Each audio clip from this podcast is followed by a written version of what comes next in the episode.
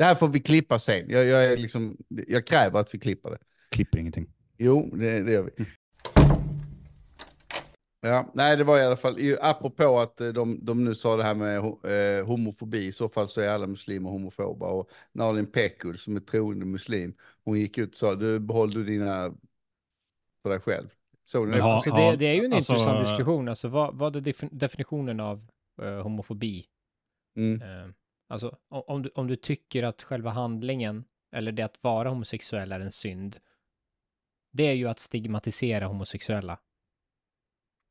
Alltså poängen är ju att det här är ju religiösa läror som springer ur en tid när man inte förstod vad homosexualitet var och man trodde att det var ett val. Ja, Idag men en, enligt islam, enligt islam så finns det ingenting, eh, finns inte en homosexuell identitet. Det finns homosexuella handlingar. Okej? Det, Så det, det är en, säkert en, en, hom- en, en, en, en, en homosexuell person existerar inte. Det finns, det finns bara människor som begår eller inte begår synder. mm. Och att, att ligga med en man, om du är man, är en synd. Men Det det, är ju betyder inte att du är felaktig beskrivning. homosexuell. Det finfinns ju kristna eh, i USA särskilt som, som har den, hö- högerkristna som har samma ingång där. Att eh, Mm. eh, det, det, Men det- det- det är så de inte. besvarar det, är, det är anklagelsen. djävulen som, det är djävulen som lurar dig att ha sex och lockar Mm. dig. Men det är deras svar. Det är deras svar när du kallar dem homofob. De Men, men, de, de har men ingenting de emot har ju fel homosexuella. sak. De har ingenting emot människor, de har emot själva, de är emot handlingen. Ja. Men jag tror dessutom att det är ganska mycket nytolkning. Alltså, mm, du vet, kasta bögar från tak. Nej, men vi har ingenting emot människan, vi är emot handlingen. Ja. Mm. Varför Mhm. kastar de från taket från då? Jo, men har alltså, de inte det- en poäng? Alltså i antikens Grekland var väl typ alla homosexuella? Nej, men det var, det var mer tillåtande. Mm. All, Det var ju alla, att, alla var bögar i ja, antikens det, Grekland. om, det om någonting var väl ett homofobiskt uttalande. Jo, men det var en kulturell sak att man liksom, man, man låg med yngre män. Eller Jo, under, yngre det, den aspekten fanns, särskilt i överklassen. Så, så vad är det som har ändrat sig? Hur kommer det sig att, att det inte är en, ett kulturellt fenomen idag? Att eh, äldre män ligger med... Ja, det är ju det. I. Afghanistan finns det ju. Mm. Jo, men varför, varför vill inte män i Sverige göra det? Ja, det, vi, vi, vi, det, därför att det är äckligt. Men, men det, det är ju knappast en social konstruktion. Alltså någonstans, men det är en intressant fråga därför att eh, ska man säga, den sexualdriften finns ju där. Min den poäng driften sexuella... finns och den tar ju sig olika uttryck. Om man tittar Ja, på men alltså det, det amerikanska poäng. fängelser, vä- vänta, amerikanska fängelser och sådär, där har de ju sex med varandra. Där man är helt isolerade och, och, och från Mm. omgivningen. Ja, och sexuella ideal ändras över tid. Och de, de, de blir också formade av kulturen.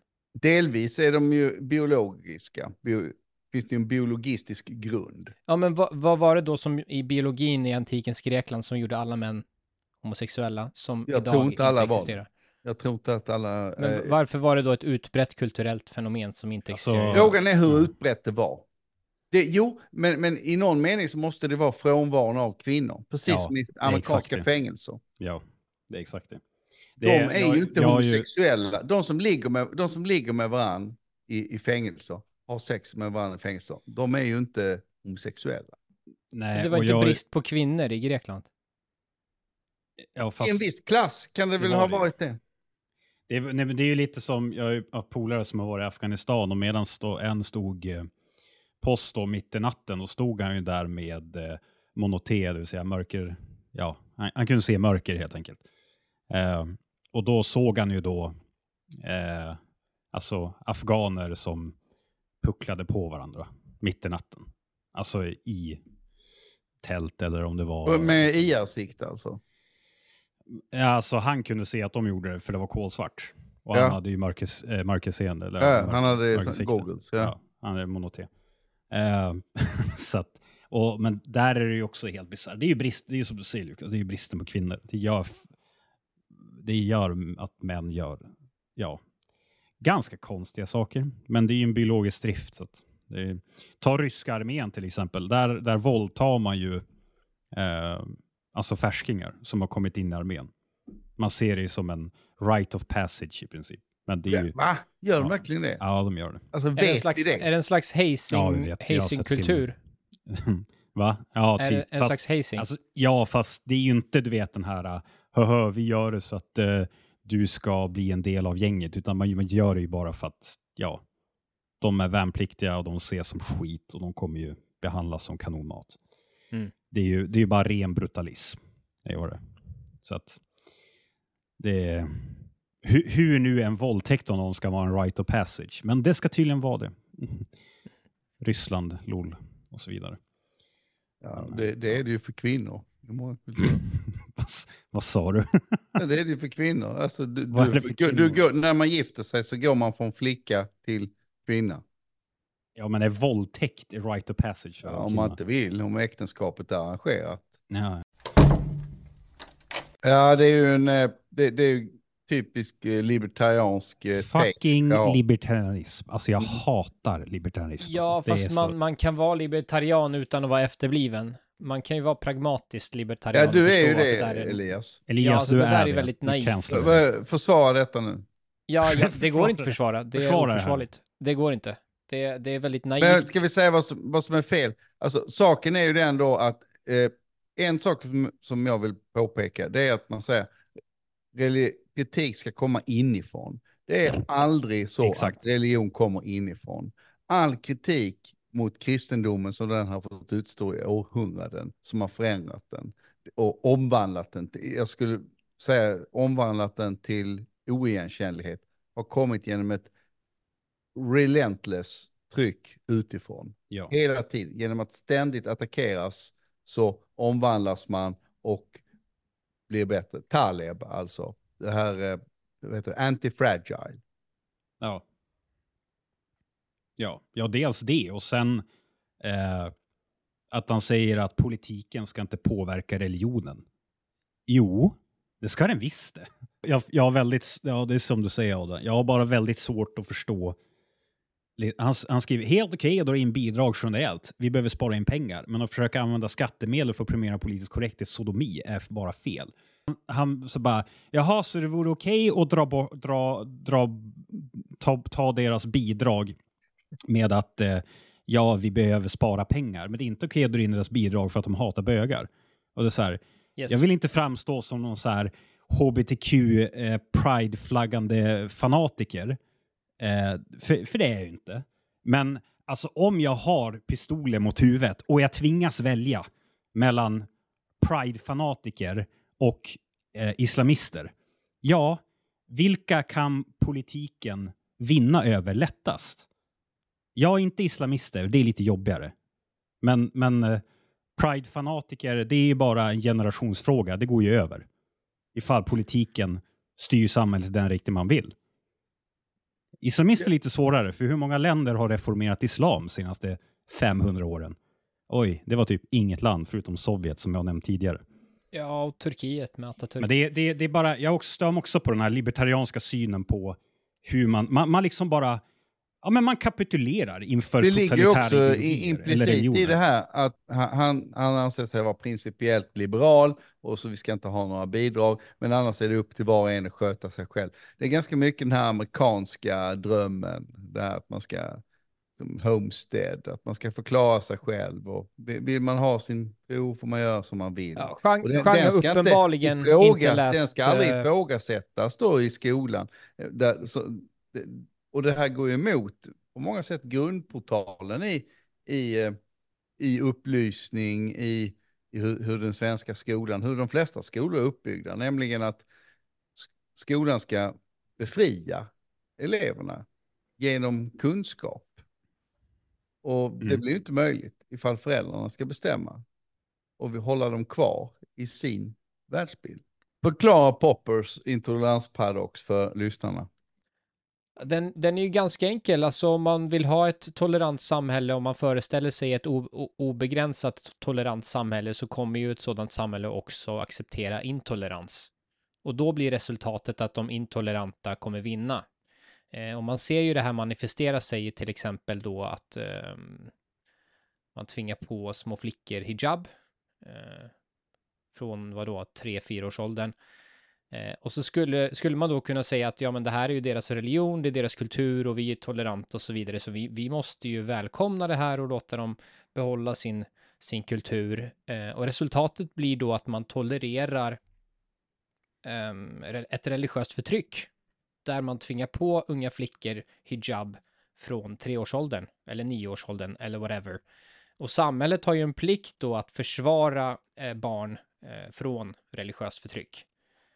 Eh, så det, det, är bara ett exempel, men det finns ju massa exempel på intolerans som man då skulle kunna som man, man har sett i Sverige att man skulle kunna tolerera till exempel en intolerant imam som predikar hat mot väst och jihadism.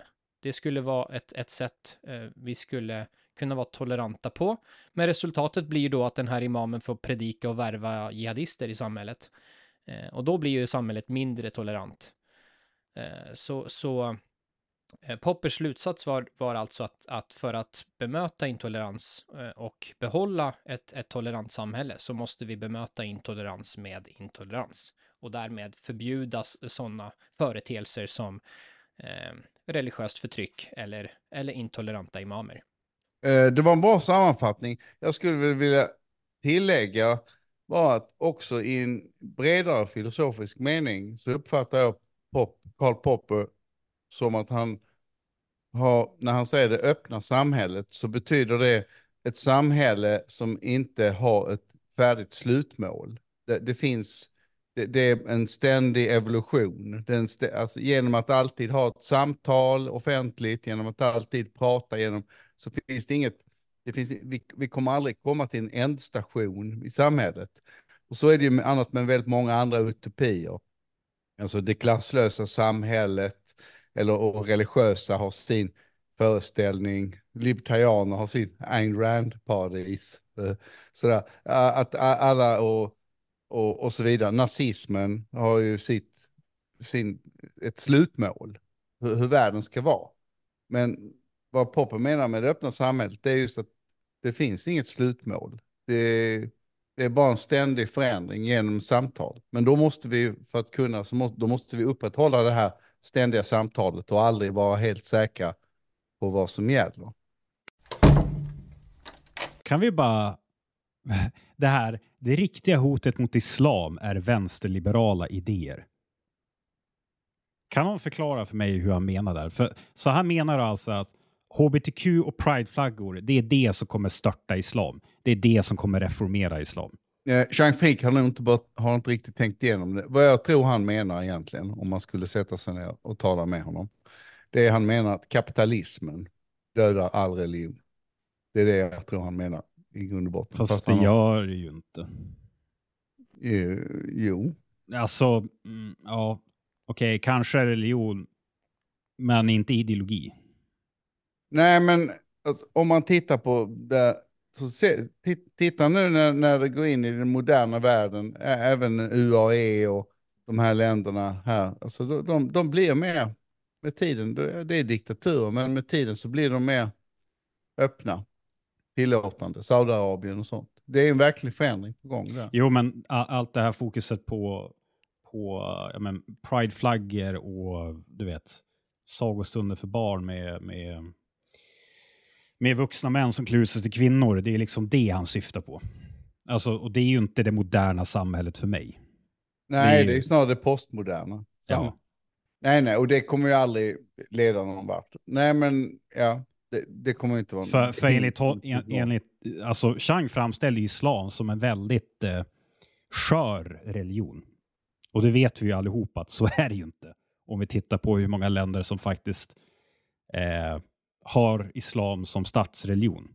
Fast de har, ja, fast samtidigt, det finns faktiskt någonting där med att om man är ett, oavsett religion nu talar jag om, om man är fundament, ganska lutar åt ett väldigt fundamentalistiskt håll och väldigt bokstavstroende. Så kan, om man hittar ett fel hos dem, man slår en spricka i kristallen, så går alltihopa ibland i kras.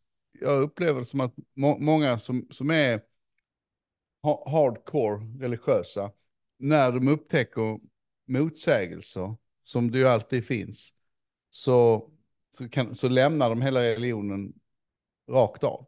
Liksom. Utan, utan det går lättare att övertyga en fanatiker om att bli ateist än en eh, lullull, snäll, snäll religiös. Ja, det är möjligt. Jag, jag ser inget inneboende i kapitalismen som, som på något automatiskt magiskt vis kommer um, sekularisera världen. Det, det, ja, det är ju att det är en revolutionär kraft. Att den tar, eh, därför, att, därför att kapitalismen är utan värden. Den är utan, den är utan mål och mening. Den bara rullar vidare. Ja, den är apatisk gentemot religion. Ja, men, men det är det som är poängen. Det är det religionen inte klarar av. Det, det är därför som i länder som, är, som har avancerade kapitalistiska ekonomier så är ju religionen undan, undan, underordnad. Den är undanträngd.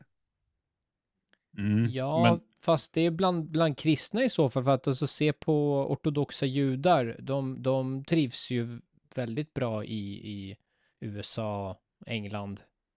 Jo, fast Israel. de lever ju bara, de lever ju i ett sekulärt samhälle. Så, som en, som en, hade de samhällena runt omkring dem upphört att finnas, så hade de ju också upphört att finnas. Då hade de ju, alltså de lever ju i och av och med det omkringliggande samhället.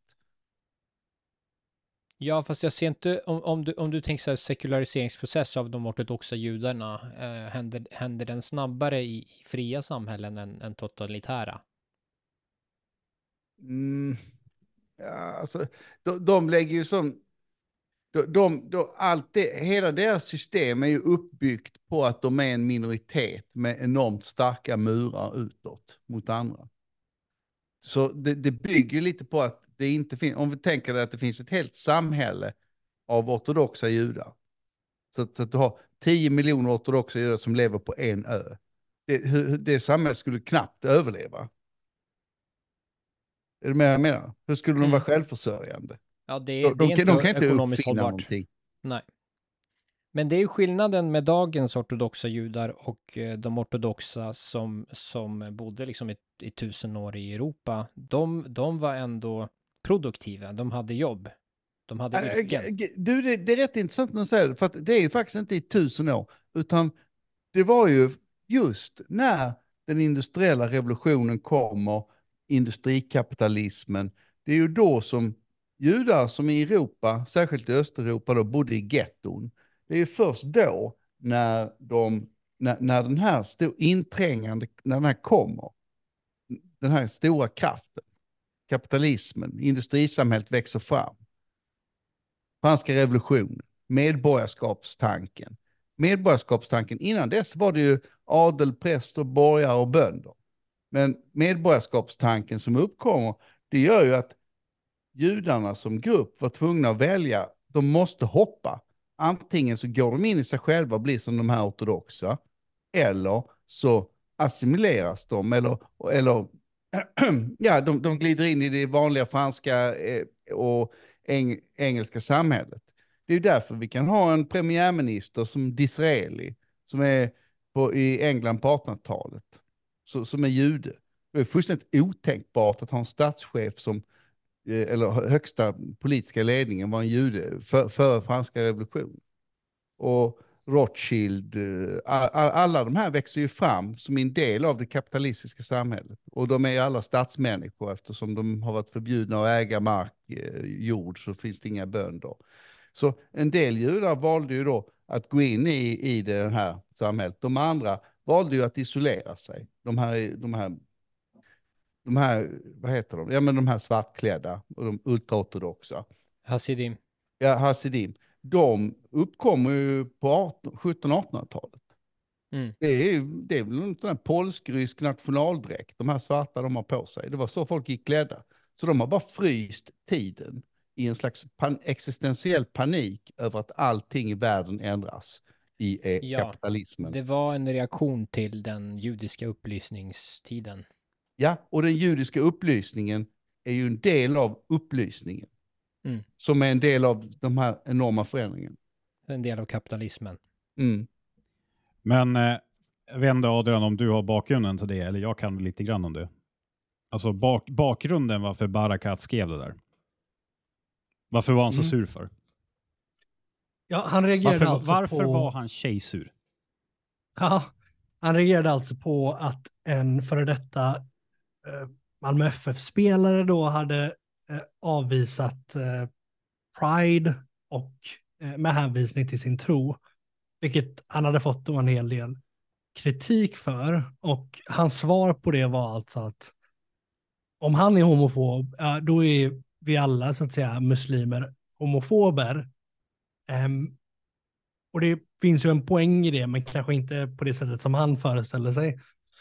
Uh, så att det är egentligen det som är sammanhanget. Och sen har han fått en kritikstorm och sen gått ut då på Instagram och förklarat väldigt tydligt att jag skiter i vad samhället, det svenska samhället, som liksom, på vars, så att säga, vars infrastruktur, vars eh, bidragssystem jag är beroende, eh, vad det tycker, eh, utan det enda jag, det min, liksom, min enda angelägenhet, det är att belåta eh, Gud och göra Gud nöjd och sådär. Så att eh, det var det som var liksom, sammanhanget kring, kring Alltså- det där. Ja, alltså jag kan ju ändå, jag kan ju säga, hade jag varit kapten i fotbollslag, jag hade inte heller dragit på mig den binden. Men det är ju inte för att jag hatar bögar, utan det är ju för att jag, jag alltså Pride eller hbtq-rörelsen, det är en ideologisk rörelse Ja, som står för någonting jag ja. inte står för. Ja, ja, man kan vara kritisk mot eh, Pride och att, att det är bara ett sätt att det har blivit som en industri som, som folk får sin utkomst av. Att åka runt och hbtq-certifiera bibliotek och sånt. Men nyckelordet här, det är väl, tror jag också, som jag, inte folk fokuserar på, det är ju det religiösa ordet synd. Alltså, Mm. synd, det ordet har ingen bäring eller legitimitet överhuvudtaget i ett fritt och öppet samhälle som bejakar förnuft och vetenskap. Synd är, alltså antingen så är någonting fel, alltså antingen är det lagligt eller olagligt, eller så är det omoraliskt. Synd är liksom inget, det, det, det är ett religiöst begrepp, det är, en, det själva ordet är en kvarleva från en gången tid när religionen var lika med moralen. Ja. Idag är den ju inte det. Alltså, det, var ju, det tänkte jag faktiskt på nu när du säger det. Att journalisten som frågade honom skulle ju bara sagt, vad menar du med synd? Skulle de ju bara fråga. Vad menar, vad menar du med synd? Ja, nej, men enligt min Ja. religion så är det en synd att eh, vara homosexuell och så vidare. Så, men, jo, men vad menar du i praktiken? Vad, vad är synd? Ja, var finns synden? Ja, och då hade han ju behövt ta upp, ja, Gud och så vidare, spirituella och... Finns ah, den i himlen? Finns den Ja. i hu- inuti huvudet på någon? Eh, exakt. Och, Pontus, moderna varianten av synd För nu är framstår ju han ett ju brott. bara... Ja, men nu framstår han ju bara som en, en eh, kränkt minoritet. Men hade han fått vidareutveckla sitt tankeresonemang, då hade han ju framstått som en galning. Fast, det, ja, nej men, eh, ja, jo, jag, jag håller med Pontus. Men, men Elias, eh, du säger att då så skulle, i modern variant av synd är ett brott. Men om det är det, varför säger han inte bara att det är ett brott då? Ja. Därför att det, det, det är ju inte någonting som straffas eh, Nej, då är det inget av, brott. av, av eh, dagens eh, liksom, domstolar. Det, det, det straffas eventuellt av Gud. Men, men Bali svarade ju på det där och han sa ju att ja, men ni är muslimer är homofober. Och, och där har han ju en poäng för att det, det kommer ju tillbaka till själva definitionen av ordet homofob. Men, men jag vill ju påstå att alla abrahamitiska religioner är, man har en inneboende homofobi. Eh, för att när, när du definierar någonting som en synd så stigmatiserar du handlingen. Och de människorna som, som vill begå den handlingen kommer ju också då stig, stigmatiseras. Jag skulle inte direkt säga att ett eh, jättestort problem inom svensk kristendom idag är att det är massa, du vet, folk som går på gatan och vill döda bögar. Jag har faktiskt ändrat uppfattning när jag tänker efter nu. Jag, jag tror jag vet vad detta här är. Ja, eh, Jean Frick har på sätt och vis en, en poäng. Men när han säger det är det vänsterliberala paradigmet som hotar. Det här är, det är faktiskt så att i skolorna i Malmö idag så tror jag att man lär sig så pass mycket om de här frågorna att de väldigt många barn till muslimer barn med muslimsk bakgrund accepterar och idag säger att nej, det är upp till var och en hur man vill, och hur man vill göra sådär. Hur, hur man vill med sex och sånt. Det är upp till var och en. Och jag, har stött på så pass mycket troende människor, inklusive muslimer, att jag skulle säga att det är nästan den vanligaste hållningen i dagens värld faktiskt. Den, liberalismen är på väg att, att vinna där lite grann i, i den allmänna hållningen. Jag, jag tror det. Eh, mm. Naturligtvis är det lång, långt borta från den svenska kyrkan. Menar, halva svenska kyrkan består väl av lesbiska kvinnor. Fast det är väl snarare, det är, det är väl inte ett uttryck för vänsterliberala idéer, utan det är ju bara ett uttryck för sekulariseringen av individer som befinner sig i ett modernt samhälle. Liberalisering. Det är en liberalisering faktiskt. Där liber, eh, alltså, jag är inte liberal och ni vet vad... Det vet kritisk, vi. Hur kritisk jag kan vara på det. Men uh, you have to give the devil his, his due. Alltså det är ju den liberalismen här blockerar andra former av äldre kollektivt tänkande. Ja, fast det där förutsätter ju också att demografin fortsätter, ja, inte gå kajko som den är på väg att göra. Jag menar ju att man, alltså nyckeln till det här är ju, är ju utbildning i form av att, att man helt enkelt lär sig och att eh, homosexualitet är inget val. Det, det är bara ett vetenskapligt faktum att, att så är fallet. Och ja. om man gör det så så faller det andra. Då får de hitta på sig, ja då får de en kris och så får de göra nytolkningar och sånt där. Men vet du vad, jag, är ju gammal, jag, jag, är ju, jag är ju gammal nog att minnas att det finns ju, fanns ju ganska mycket antipati mot homosexuella. Ja men Lukas, så eh, länge sedan. Jag men, tror... vänta, om jag bara får ta detta. Och då, då är det ju ändå, alltså, någonstans runt 90-talets början så, så går det väldigt snabbt med acceptansen i, i, i västvärlden runt om kring homosexuella. Varför är det så? Jag är mm. helt övertygad om, ja. även om jag inte har några bevis, det beror på att poletten trillade ner kollektivt för befolkningarna i västvärlden, att detta är inget man väljer. Därför att om man inte väljer det, utan man är medfödd till det, på samma sätt som att man är närsynt eller vad som helst, det är någonting man inte kan hjälpa eller så, då då försvinner den moraliska aspekten. Då försvinner synd, då försvinner det omoraliska och alla anklagelser man kan göra mot någon. Om, om det, det är som att säga att det, ja ni fattar. Men Lukas, jag tror, för det här, du, du sa någonting i förra avsnittet om att, eller var det för förra, där du sa att det är väldigt många i Malmö skolor och barnen där som pratar svenska. Jag har fått väldigt mycket feedback om det och sagt att det stämmer ju inte. De pratar inte alls mycket svenska. De pratar allt annat än svenska. Och att du är lite inne på samma spår tror jag också. Du är lite för positiv.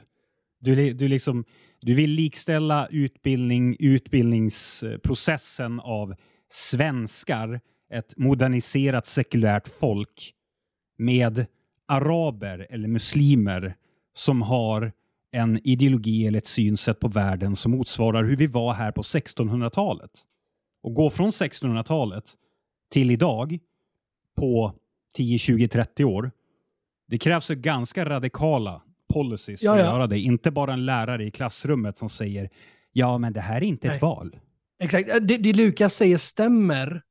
Om du inte har en hord av separatister som drar ungen i, an, i, en helt annan riktning, en diametralt motsatt riktning. Och så sitter du där på biologilektionen och halva jävla klassrummet tror inte på evolutionsteorin. Det är det vi ser i Malmö och i storstäderna just nu bland mm. de unga. Nej, men de, de, där ska vi hålla, de, de, som, de som talar emot detta här, eh, att det här är synd eller att evolution fel, deras fötter ska vi hålla mot elden. De ska stå till svars för det. De, de här de här prästerna. Ja, men går, det går det i Malmö då? Ja, det går ja, inte att hålla, ja, det går inte att hålla. Ja, alltså, alltså, de du ber, bara så att de, vi vet de, var ansvaret nej, ligger. Det är de, det vi ska göra. Ja, men de du ber hålla deras ben mot elden, det är de som tror på samma religion. Nej, det, nej, är, ju, okay. det är ju biologiläraren i det här fallet. Ja, om hur lång tid tror du måste, ta emot? måste säga att Lukas, om någon... Lång... Men vänta, om, om biologi... Om, om någon ifrågasätter evolutionen, då är det biologilärarens uppgift att säga nej, du har fel och dina föräldrar har fel, din imam har fel, alla i hela din uppväxt har fel, fel, fel. Det är blir de- deras, och allt annat än det, då, gör de, då uppfyller inte läraren sitt jobb. Nej, men min poäng var hur lång tid tror du kommer ta i Malmö med tanke på Malmös demografiska förändring att biologiläraren är en muslim? Ja, det, det, det, det, att ifrågasätta...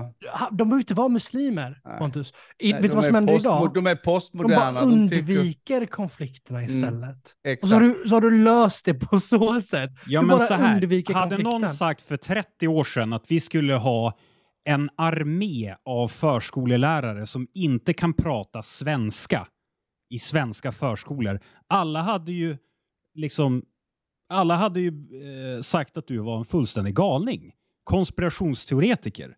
Och idag är vi där.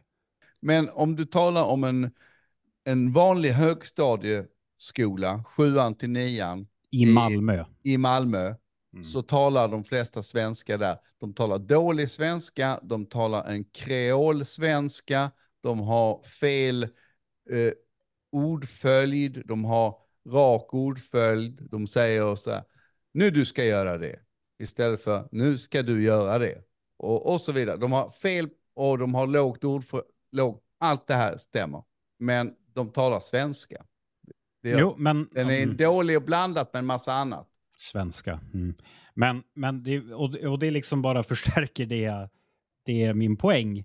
Eftersom ja, men, alltså, nationalister, sverigedemokrater eller vad du nu vill kalla dem, har haft rätt om precis allting de senaste 30 åren. Precis varenda jävla fråga har haft rätt i. Som man då nu kanske kan tänka sig att, med tanke på demografins, demografins förändring, att det, vi har liksom i när, nära, närstående framtid biologilärare i Malmö som förnekar evolutionsläran. Ja, det, det, Ja. det kan Det hända. är inte att man har haft rätt i allting, bara för att vara tydlig. Det är att verkligheten är så mycket värre än vad man har haft kreativitet nog att ens föreställa sig. Det är det som är. Nej, alltså du behöver inte vara särskilt... Det är ju därför alla de här, du vet, som vänstern älskar hata, de här lågutbildade bönderna som har haft rätt om precis varenda fråga. Du behöver inte vara kreativ för att fatta att om du tar hit en miljon muslimer på 20 år, ja då, det blir jobbigt. Det, det krävs ingen grund, så här, du vet, jättegrundläggande djup analytisk förmåga för att fatta det det är, och det är det som är grejen. Det är, det är alltid, varför sätter vi inte bönderna i regeringen för i så fall? De har haft rätt om allting. Det krä, uppenbarligen så är det ju så att de som har en akademisk utbildning idag, det är fan de som är mest korkade idioterna. Det vet jag inte. Ja, man ska nog akta sig för liksom, någon form av anti-intellektualism här och sådär.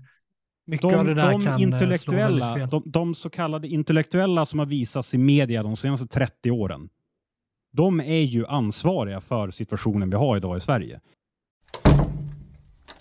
Ja, alltså jag vill tillbaka till det du sa Lukas om att eh, muslimer eventuellt kommer ha bättre förståelse eller mer förståelse för homosexuella när de inser att det inte är ett val som människor gör utan det är liksom medfött. Nej, det var inte så jag menade. Jag menar att alla människor, det, alla människor, de eh, är med om det. Om du, Ja. om du får reda på, om du tror att det är ett val att Mm. vara homosexuell, då blir det ju också en moralisk fråga. Ja, det, det var det jag förstod, då- men där, dra det till sin spets då och, och eh, tänk hur, hur man då dömer pedofiler. Ja, men, men de låser vi in. De, de låser vi in därför att just vi vet att se- sexualdriften är av ett sådant slag att det går inte att kontrollera. Just i enlighet med till exempel eh, eh, mä- män som har sex i fängelse. Ja, fast det finns ju pedofiler som inte begår pedofila handlingar. Ja, ja, nej men, men eh, de låser vi ju inte in. Det är inte förbjudet. Nej, för att vi inte vet pedofil. om dem. Nej, men, nej, även om vi vet om det så låser vi inte in dem. Det är bara när du begår brottet, att förgripa dig på ett barn, som du låses in. Ja, men, men eh, de- är ju ändå väldigt stigmatiserade av samhället, även om vi Ja, det är förstår. ju klart de är. Det är klart. Vi, vi Och- förstår att det inte är en fri, ett fritt val att vara pedofil. Nej, men jag, jag, Nej, men det är ju för att det handlar om barn. ja, det är folk, folk eh, inklusive jag själv, blir, blir otroligt eh, protective när, när det gäller barn. Jag tvekar ju inte att säga att, att det, det vore ju en mardröm att vara född till att, att vara pedofil. Det, det, måste ju vara fruktansvärt att, eh, att, eh, inte, att, att ha den sexuella läggningen. Ja, jag tycker samhället borde erbjuda kemisk kastrering för de som är, eh, har pedofila. Ja, eller tving, eller, eller, eller och de som har förgripit sig. Ja. Att, att man, alltså att man kan dömas till För jag kemisk tänker att om, om det, det, det, det är en händelse i, i Sam Harris bok eh, Free Will, eh, där det, det är en man som, som har, eh, som är pedofil, eh, dras till yng, yngre tjejer. Eh, och så visar det sig att han har en hjärntumör. Och när de opererar bort den så försvinner hans pedofila tankar. Eh, han- Det är ett tankeexperiment va? Eh, nej, jag tror, jag tror det är en anekdot. Men det, det kanske Ja, är en. nej, jag, jag, känner igen den, eh, jag känner igen den anekdoten. Men jag, jag tror det var så att han blev, han, blev, han blev aggressiv och var väldigt, eh, ja, nästan massmördare.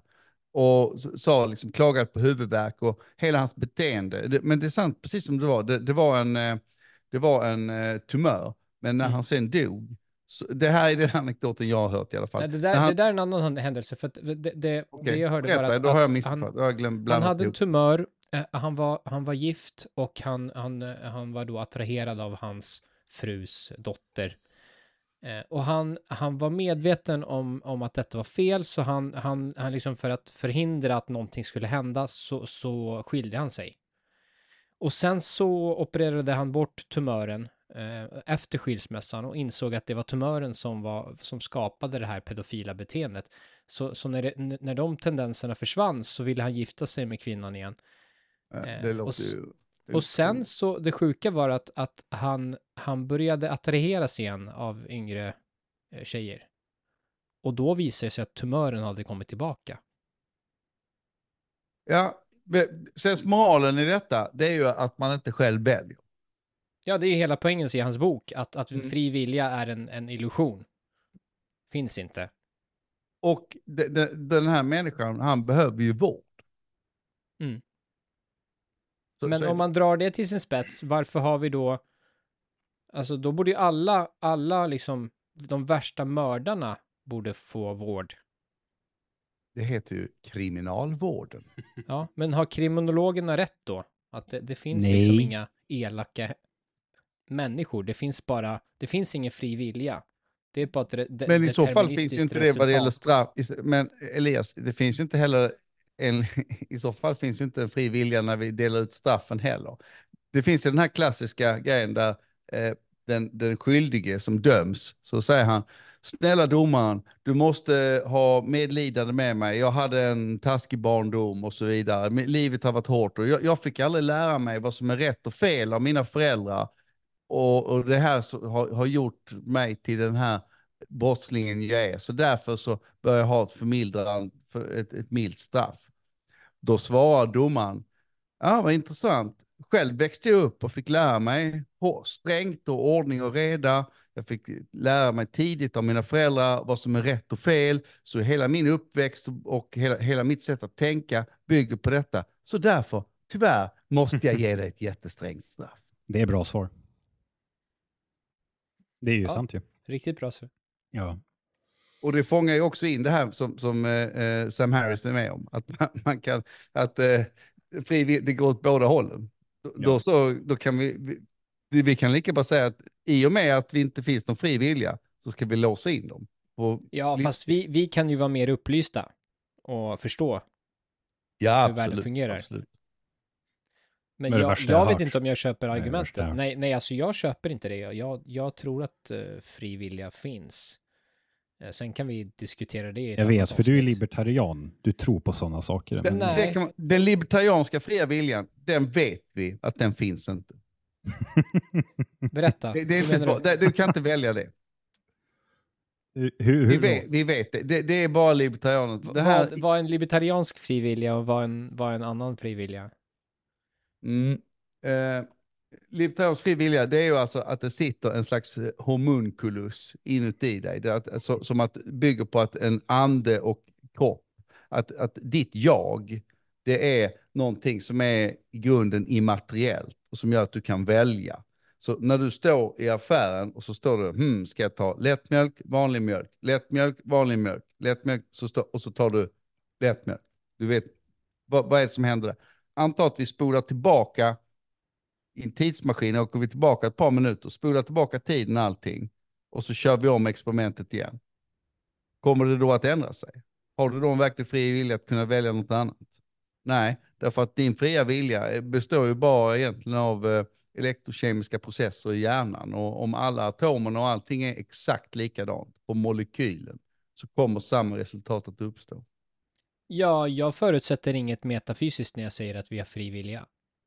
Du måste göra det. Vad, vad, är, vad, vad är det då som gör att den är fri? Vad är ditt medvetande? Varför, hur skulle metafysiskt förklara någon slags fri vilja? Även om det är metafysiskt så skulle ju samma problem uppstå. Ja, tank, dina tankar. Ja. Jo, men även, även om, du, om du förutsätter något slags metafysiskt fenomen som, som då du kallar fri vilja, samma problem uppstår ju i butiken. Alltså, om, om vi då kopierar exakt samma scenario med exakt, exakt samma metafysik, så har du ju samma problem igen. Mm, nu för metafysik är ju det som är utanför fysiken. Ja, Ja, Poängen, du, min, du, min poäng är ju att du tänker med hjärnan. ja, och det håller jag med om. Mm. Men jag Så förstår var- inte vad det var har att finns göra den, med var fri finns vilja. Den fria viljan? Var finns Den fri, fria viljan finns i, i din, din, din fysiska hjärna. Du kan, du kan analysera en situation och du, kan, du, du har en inneboende moral förhoppningsvis. Eh, och då tänker du, Men alltså, vad händer när du, nej, nej, nej, när, när du analyserar den? Vad är det? det är också bara, det är bara också det är tankar, absolut. Ja, Ja, de och är det är en fri vilja. Du väljer Ja, men baserat är- på tidigare handlingar och vad du har lärt dig. Du kanske har lärt dig att det är fel att stjäla, så du väljer att betala för mjölken. mm. Det, det är det jag menar med fri vilja. Nej, det, det, det är det ju inte. Varför inte? Då är det någon som har kan- tutat i dig att det är fel. Ja, Det är inte det, fri det är ju bara, det är ju, det är ju ja, men det är ju ändå en fri vilja, så jag kan ju ändå, även om någon har lärt mig att det är fel, så kan jag ändå stjäla mjölken, eller hur? Nej, det kan du ju inte. Jo. Va- Vadå? hur vet har, du det? har alla, alla som snattar i butiken, har inte de hört att det är fel att stjäla? Ja, men, hur, vet du att, vänta, hur, hur, hur, kan, hur kan du säga, du måste ju säga att dina tankar, din analysprocess, din reflektion, ska jag, ska jag ta lättmjölk eller vanlig mjölk, eller ska jag stjäla eller ska jag inte stjäla? Alla de är ju ett eh, ohyggligt komplicerat system av egentligen en biljardboll träffar en biljardboll träffar en biljardboll, ding, ding, ding, ding, ding, hela vägen. Så var finns den fria? Biljardbollarna har ingen fri vilja. De följer ju bara fysikens lagar. Och det gör din hjärna också. Ja, i och för sig, men Så alltså här, man kan ju Lukas. fortfarande liksom... Lukas, eh, det är inte ett fritt val att pissa eller skita. Eller hur? Det måste du göra. Mm. Det, det är en Ja, konsekvens till av de bio- de biologiska processerna i din kropp. Det är precis samma med hur du tänker. Det är hjärnan. Det är hjärnan, hur du tänker och så här. Det beror på, ja, är temperaturen en viss temperatur ute, då kanske du påverkar det, ele, ele, elektronerna i din kropp på ett visst sätt som gör att du tänker på ett annat sätt. Eller du vaknade upp och du hade huvudvärk för att du, ja, du fattar. Beror, alltså, verkligheten påverkar dig hur du tänker, dina kemikalier i din kropp påverkar hur du tänker, hormonerna påverkar hur du tänker. Det är, jag är ju superdeterminist när det kommer till så här. Jag tror inte alls på frivilliga. Men det är jag det. Ni- Ja, ni alltså du väljer ju vem du lyssnar på, eller hur? När, när jag väljer en, när jag ska höra på en podcast Nej. på väg till jobbet, eh, då väljer jag att lyssna på, på och kanske jag hör på, på um, Sam Harris. Eh, och så, och varför så, vill du göra det då? Jag tycker det är intressant, eller hur? Ja, varför tycker du det är intressant då? Han, Du har inte med, lyssnat med, på honom prata om fri vilja, ja. Ja, Det Nej, du har en upple- Kolla här, Elias, du har en upplevelse av att du har en fri vilja. Och det är helt okej. Och det Det är har jag det- också. Det är, det är det- ett ja. icke-falsifierbart argument, Lukas. Alltså biologi, biologi är ganska falsifierbart. falsifierbart. Det är väldigt Nej, falsifierbart. tvärtom Elias. Jag kan, inte, har... jag kan inte falsifiera om något är en illusion eller en verklighet. Inte ens att jag snackar Så med varför er just drar nu. du då slutsatsen? Hur, hur, hur tror du att din hjärna skulle uppfatta om du inte hade en fri vilja? Så, som att du bara rörde dig mot din vilja. Du, du tycks ju tro att du måste skilja på att, att du upplever att någonting är viljestyrt och det faktum att, att din hjärna består av atomer. Så därför måste det, därför måste det vara förutbestämt. Men, men det På är det samma sätt som om Alltså, du puttar om, en sten ner för ett berg, så Ja. studsar den hela vägen ner. Vi kan inte förutspå exakt hur den kommer studsa ner. Men det är ändå determinerat. ja, fast skillnaden är att stenen har ju ingen vilja. Stenen kan inte, den, den Men kan nu, inte så, hoppa. nu förutsätter du det som ska bevisas. jo, men alltså stenen har ju inget, inget, eh, ingen egen energi att, att, att, att röra sig mot en annan riktning än... än Det har inte du heller. ja, Din energi är det, Du samma är en energi. sten, Lukas. Din, Det är din det- det är energi är samma energi som finns i hela universum. Som i solen, i gravitation, allting. Nej, för där har du ett medvetande. Det är det som är skillnaden. Så du Och- påstår att och medvetandet fungerar, fungerar men på ett exakt samma sätt som, som den Nej. fysiska, fysiska lagar. Men det, Okej, det vet man ja. inte. Nej men men vänta Elias, det, det, du måste förstå. hjärnan producerar ditt medvetande. Du, ditt medvetande är en illusion skapat av hjärnan. Ja.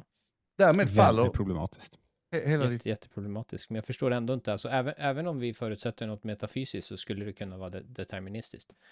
För att man skulle kunna säga att... Vi, vi, vi, Vi eh, gick- nej, Vi gick jag, jag har alltså... A- Adrian kommer snart att ta Ja, alltså det var ju det här. Det, harakiri här. bara för, för alla som lyssnar. Det var typ det här när vi satt på Clubhouse en år sedan. Då kunde vi liksom på riktigt börja prata om, du vet, kapitalismens konsekvenser i Kina eller Kinas statskapitalism.